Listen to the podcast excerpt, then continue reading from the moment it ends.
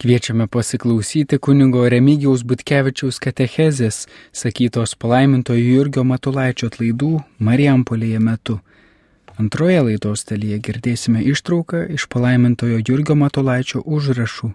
Skaitys Vaidas Šūkys.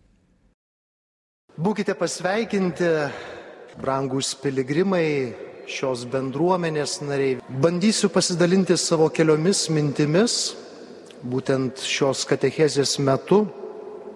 Ir besiruoždamas pagalvojau, kad čia turbūt e, mano mylimam žinos atminties mama turėtų stovėti, buvusi palaiminto Jurgio Matulaičio draugijos narė ir tikrai žymiai daugiau ir giliau studijavusi palaimintojo Jurgio gyvenimą. Nugalėk blogį gerumu. Šitą šūkį ir paveikslėlį aš prisimenu iš savo vaikystės ir tas visą laiką kažkaip keliavo kartu. Ir man kaip vaikui visą laiką tas atrodė labai kilnu, e, labai didelis siekinys.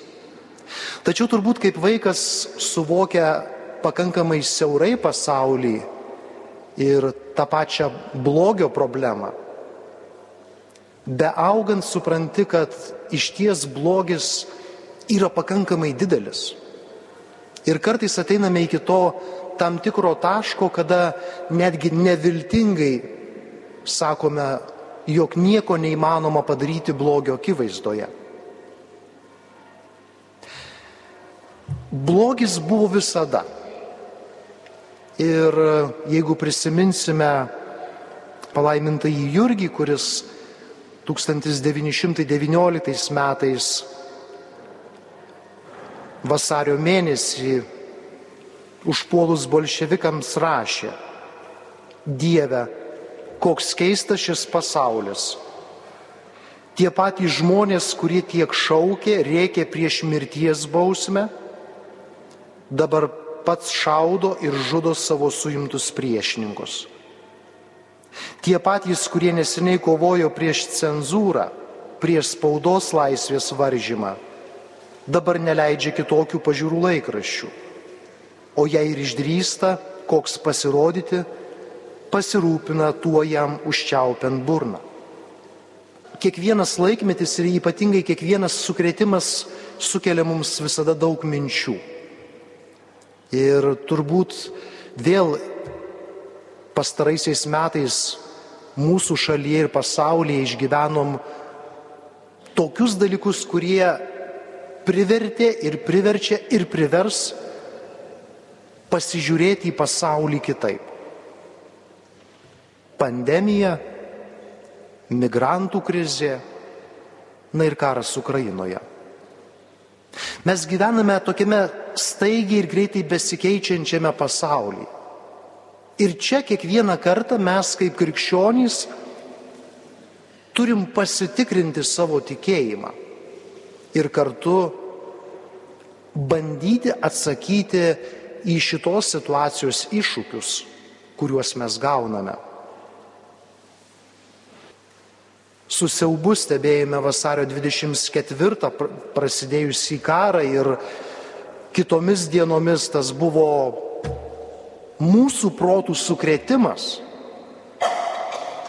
Turbūt jūsų tarpe yra gal žmonių, kurie yra matę buvusi karą, kurie patyrė tremimus, kurie patyrė persekiojimus.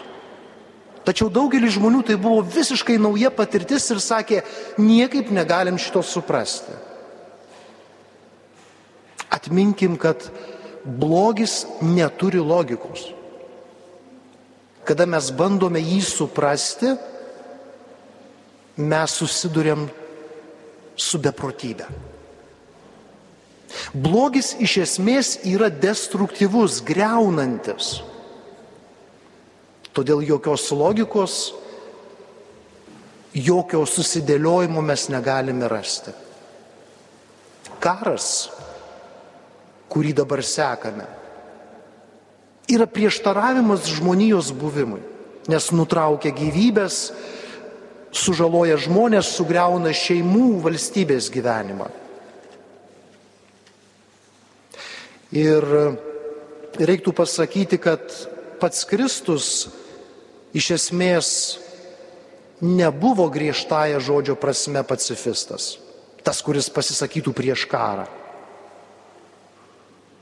Kristus turėjo savo būdą, kuris buvo priešingas pasaulio suvokimui, tačiau blogio akivaizdoj Jėzus niekada netylėdavo. Jeigu prisiminsime,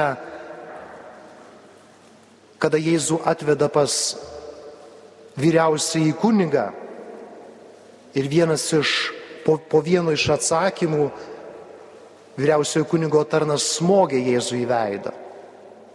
Jėzus pasako labai tiesiai, jeigu pasakiau netiesą įrodį, o jeigu sakau tiesą, kam mane muši. Tačiau, kaip minėjau, Jėzus turi kitokį gyvenimo būdą, kurį pasiūlė mums. Jėzaus mirtis daugeliui, ko ne visiems atrodė pralaimėjimas. Tačiau Jėzus tokiu būdu nori atkurti tarpusavio santykius tarp Dievo ir žmogaus. Ir krikščionys sako, kryžiaus pergalė yra didžiausias laimėjimas. Štai todėl ir Jėzus kvietė ir daugelis šventųjų išgirdo šį pakvietimą kovoti kitokią kovą. Ir šių metų atlaidų moto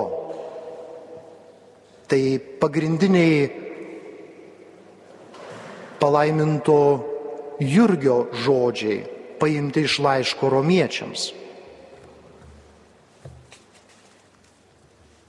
Blogį nugalėk gerumu. Arba originale skaitom nugalėk piktą gerumu. Juk taip norisi daryti savo teisingumą.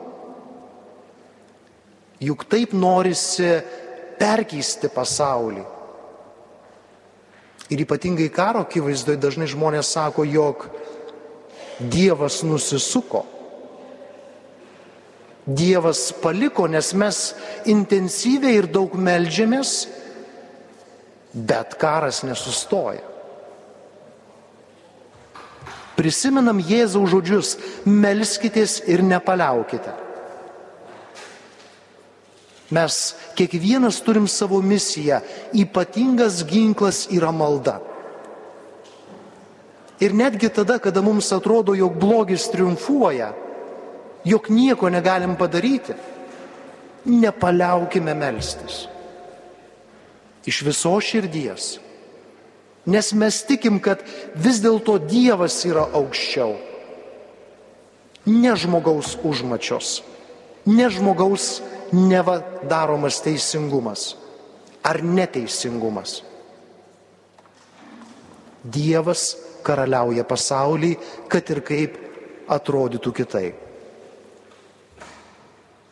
Noriu sustoti ties laiško romiečiams ištrauką, būtent iš kurios ir palaimintasis paėmė savo šūkį nugalėk piktą gerumu. Apaštalas Paulius labai įsigilinęs ir tiesiog paskendęs Kristuje, visgi sakė, kad man Kristus yra viskas. Ir viskas, kas aplink yra niekis. Jis ragina savuosius žmonės, konkrečiai Romos bendruomenę, pasirinkti Kristaus gyvenimo būdą. Leiskite perskaityti keletą šios ištraukos eilučių. Laiminkite savo persekiotojus. Laiminkite ir nekeikite. Džiaukite su besidžiaugiančiais, verkite su verkiančiais.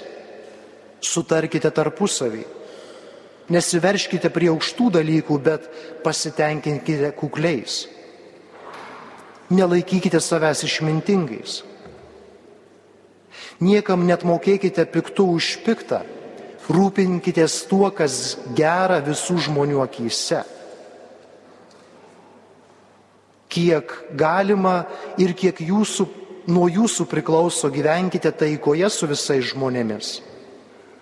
Nekeršykite patys, mylimieji, bet palikite Dievo rūstybei, juk parašyta mano kerštas, aš atmokėsiu, sako viešpats.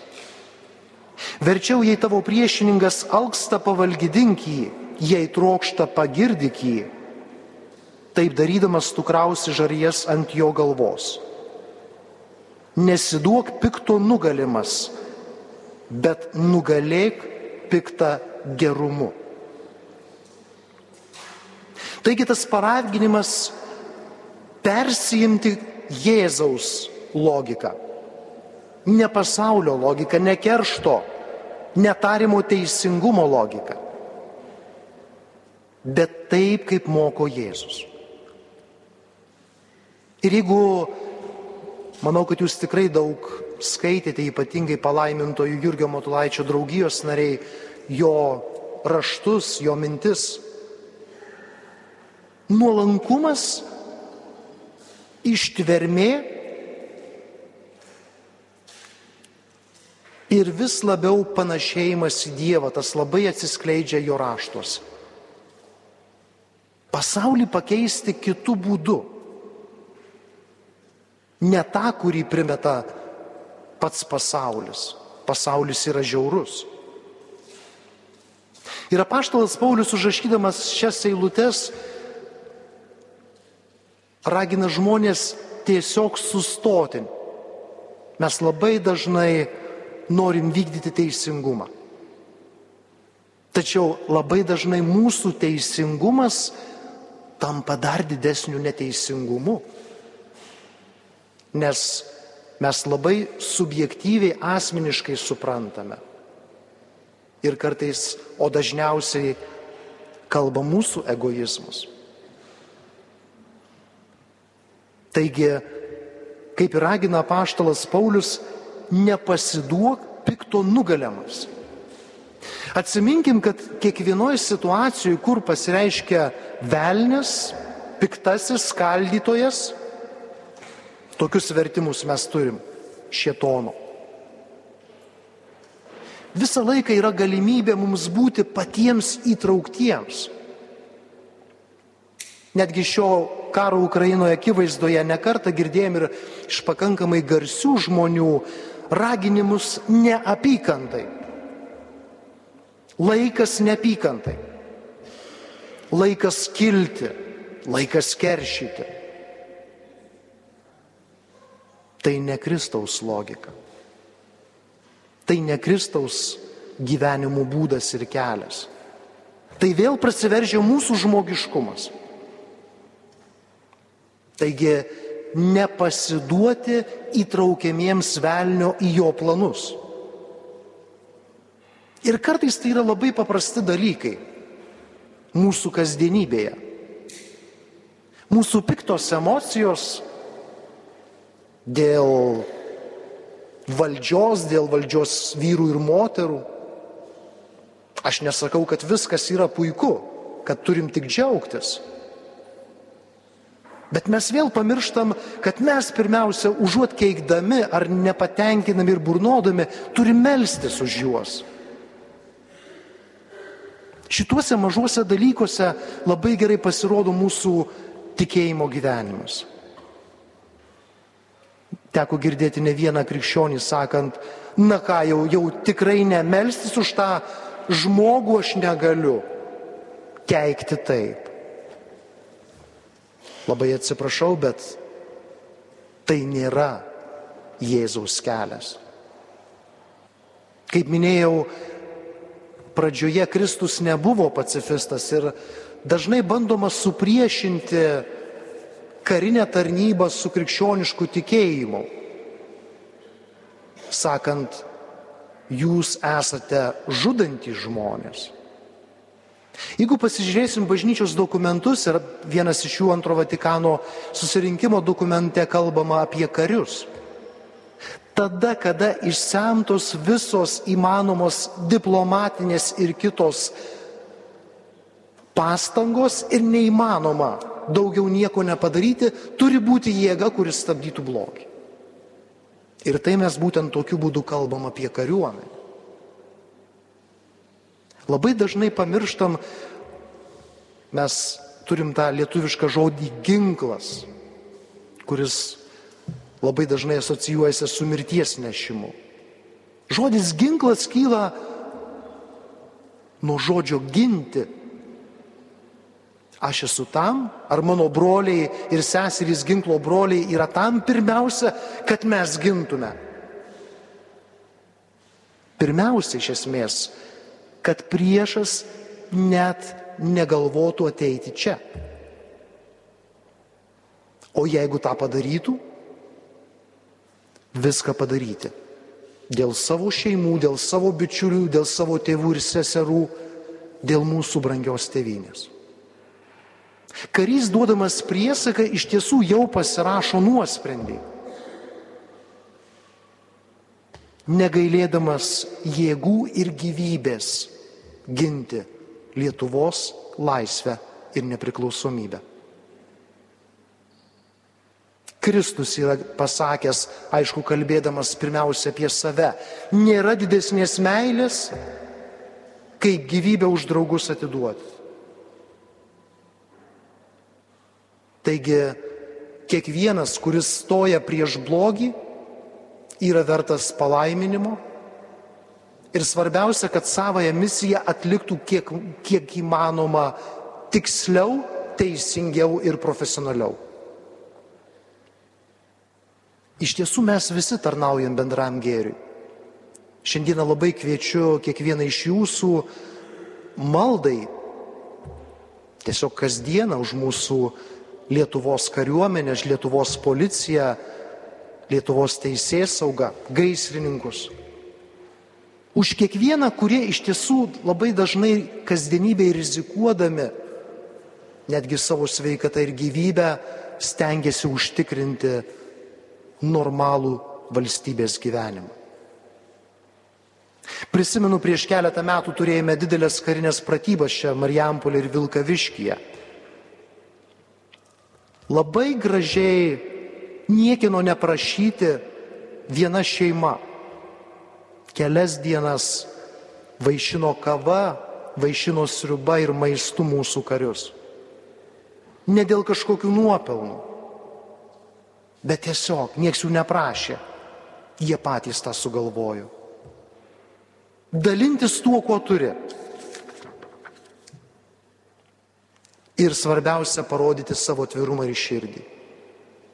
Visiems statutiniams pareigūnams yra labai svarbu visų palaikymas. Pamenu, paskutiniojo popiežiaus Pranciškaus vizito metu, naktį vaikštant ir ruošiantis ryto mišioms, mes su kolega sugalvojame pavaišinti kava policininkus būdinčius. Ir buvo keista, kad jie labai drąsiai iš mūsų nepažįstamų žmonių, be skiriamųjų ženklų tą priėmė kavą. Žinot, šiais laikais pasitikėti kartais yra sunku. Bet matėm tą jų gražų akių švitėjimą, Kava ne tik sušildo nakties tamsoj. Ištiesta ranka visada šildo mūsų širdis. Todėl labai svarbu, kad mūsų ištiestos rankos būtų vieni dėl kitų. Taigi malda ir kuo daugiau gerų darbų.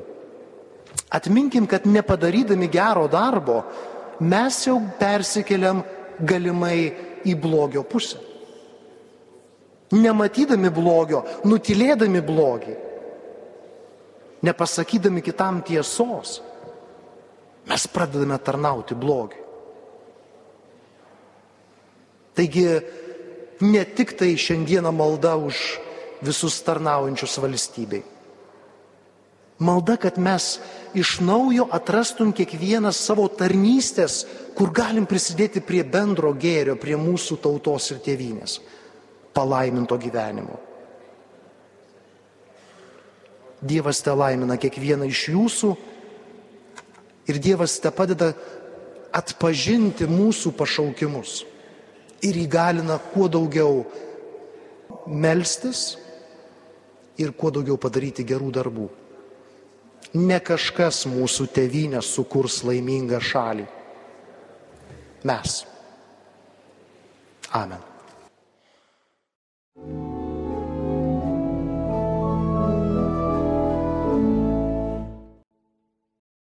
Mano obalsis tebūna. Visame kame Dievo ieškoti, visą ką dėl didesnės Dievo garbės daryti ir viską Dievo dvasę įnešti ir viską ją perimti. Dievas ir jo garbė tegu būna viduriu viso mano gyvenimo ašimi, apie kurią suktusi visos mano mintys, jausmai, norai ir darbai. Dievo garbė ir sielų išganimas. Ar gali būti koks kitas tikslas aukštesnis ir prakilnesnis už šitą tikslą? Kaip menku daiktų išrodo viskas kita, sulyginus su šiuo tikslu? Ką verti net geriausi ir gražiausi žmonių siekimai prieš šitą tikslą? Taigi ar neverta, ar neteisinga, kad mes tam tikslui visą savo gyvenimą, viską, ką tik turime, ir turtus, ir gabumus, ir pačią gyvybę pašvestume visiškai. Šventieji iš visų jėgų stengiasi pasiekti tobulybę, atsimindami tuos prakilnius Kristaus žodžius. Būkite tobuli, kaip ir jūsų dangiškasis tėvas yra tobulas. Ėjogi prie to neapsakomai aukšto tikslo, stengdamies tapti kas kart labiau panašus į Jėzų Kristų. Taigi, Kristaus gyvenimo tikslas turi tapti ir mano tikslu, jei iš tikrųjų noriu eiti šventųjų pėdomis ir tie įrankiai ir priemonės, kurias Kristus vartojo, turi būti ir mano įrankiais ir priemonėmis. Ko Kristus troško? įvykdyti Dievo karalyje čia ant žemės, tai yra šventa mūsų bažnyčia. Kokiu keliu prie to ėjo? Visiško savęs išsižadėjimo, darbų, vargų, pažeminimų, persekiojimų, kentėjimų. Ėjo, kol galva padėjo, kol netapo prie kryžiaus prikaltas. Kas iš to išeina? kad kiekvienas iš mūsų turi iš liuoso noro visiškai savęs išsižadėjęs pilnai atsiduoti ir pasišvesti bažnyčiai. Tame matau branduolį ir esmę mūsų pašaukimo. Reikia iš liuoso noro ir noriai išsižadėti savęs, savo ištaigų, smagumų, užgaidų ir malonumų išsižadėti šio pasaulio, jo turtų, gerybių, jo tuščios garbės, o visą save, visus savo gabumus ir dovanas prigimties ir ant prigimties, pilnai ir visiškai pašvesti ir atiduoti bažnyčios labui, jos apgynimui, palaikymui, praplatinimui, tarpimui ir klestėjimui. Dieve duok, kad aš niekad tai neužmirščiau. Kokios taktikos geriausiai būtų laikytis, einant prie to tikslo? Man rodosi, kad ne tiek gynimosi taktikos, kiek užgrobimo, apėmimo, užkariavimo. Pats gyvai persėmė Kristaus dvasia, turime rūpintis telkti ir organizuoti aplink save geros valios žmonės, juos lavinti, renkti prie darbo, o paskui drauge su jais ir per juos visur Kristų įnešti, viską Kristuje atnaujinti ir atgaivinti, viską dėl Kristaus apimti, viską prie Kristaus patraukti. Viešpate Jėzau, uždeg mūsų širdis tą uolumo ugnimi. To tavęs melsiu. Mūsų uždavinys turi būti tobulintis ir tobulinti, tobulintis pačiam ir tobulinti kitus žmonės ir darbus. Tobulintis pačiam dvasiškame gyvenime, pasirenkant tarp dvasiškų praktikų, ypač tas, kurios labiau priverčia žmogų sąmoningų ant prigimtinių gyvenimų gyventi, kaip va. Grina ant gamtinė intencija, ji turėtų virsti tikrų įpročių mūsų gyvenime. Ypatinga ir apskrita sąžinės sąskaita, meditacija, dvasinis skaitimas, gerai sąmoningai atliekama išpažintis ir pilna su visu atvirumu ir nuoširdumu padaryta bent kartą per mėnesį prieš dvasišką į tėvą mano dvasiško gyvenimo apyskaitą.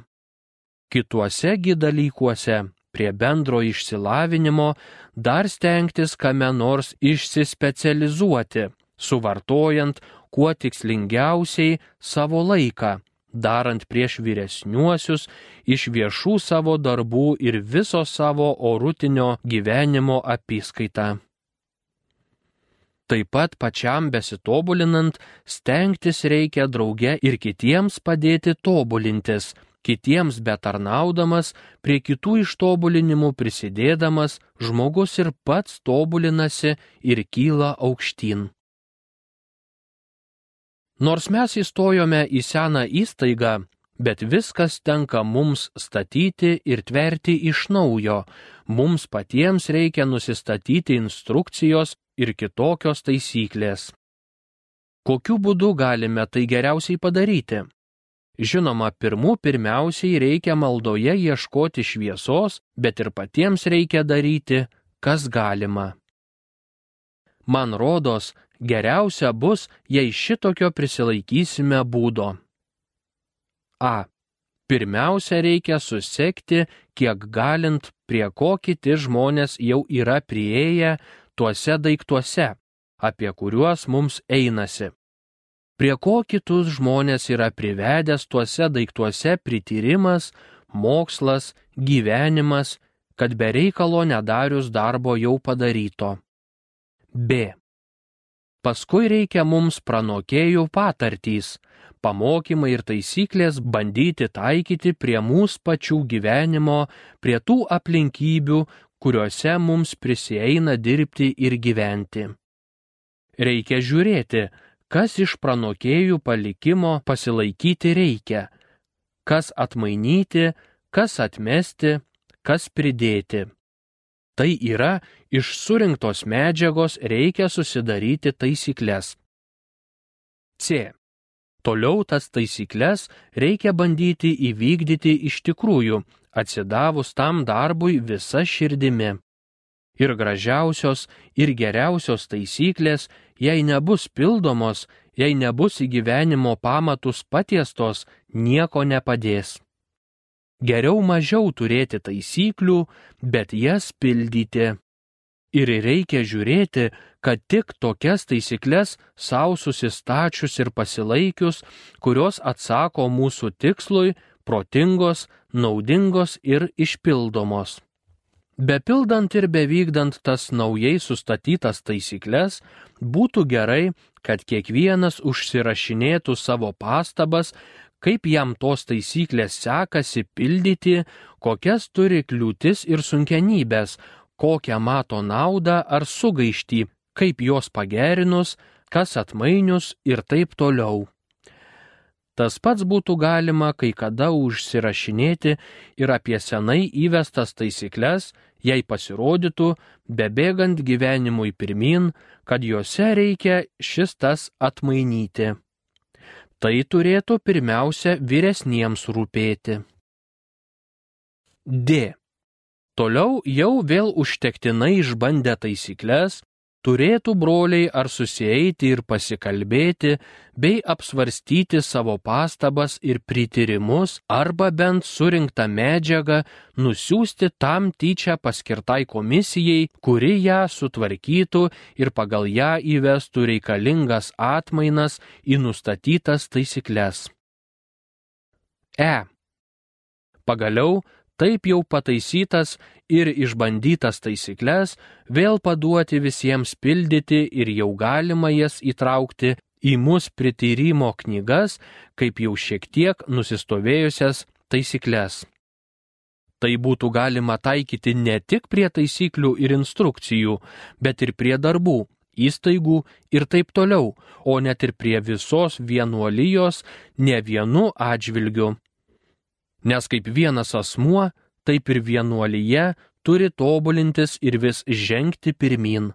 Bandysiu tai taikyti gyvenime. Į visų mūsų darbų ir sumanimų pamatą reikia visados mūsų pačių gyvenimo šventumas tiesti. Tik tada turės ant ko mūsų darbai tvirtai stovėti. Nereikia niekad gailėtis savo dvasiškam ištobulinimui nei laiko, nei triūso, reikia tam svarbių svarbiausiam darbui visa širdimi atsiduoti. Ką padės, kad ir visą pasaulį žmogus apgailėtų ir apimtų, jei jo sielai padarytų nuoskaudą arba mažiausią nuostolį. Duok viešpatie, kad aš tai visada atminčiau. Girdėjome kunigo Remigijaus Butkevičiaus katechezę sakytą palaimintojo Jurgio Matulaičio atlaidų Marijampolėje metu. Antroje laidos dalyje girdėjome ištrauką iš palaimintojo Jurgio Matulaičio užrašų. Skaitė Vaidas Šūkys.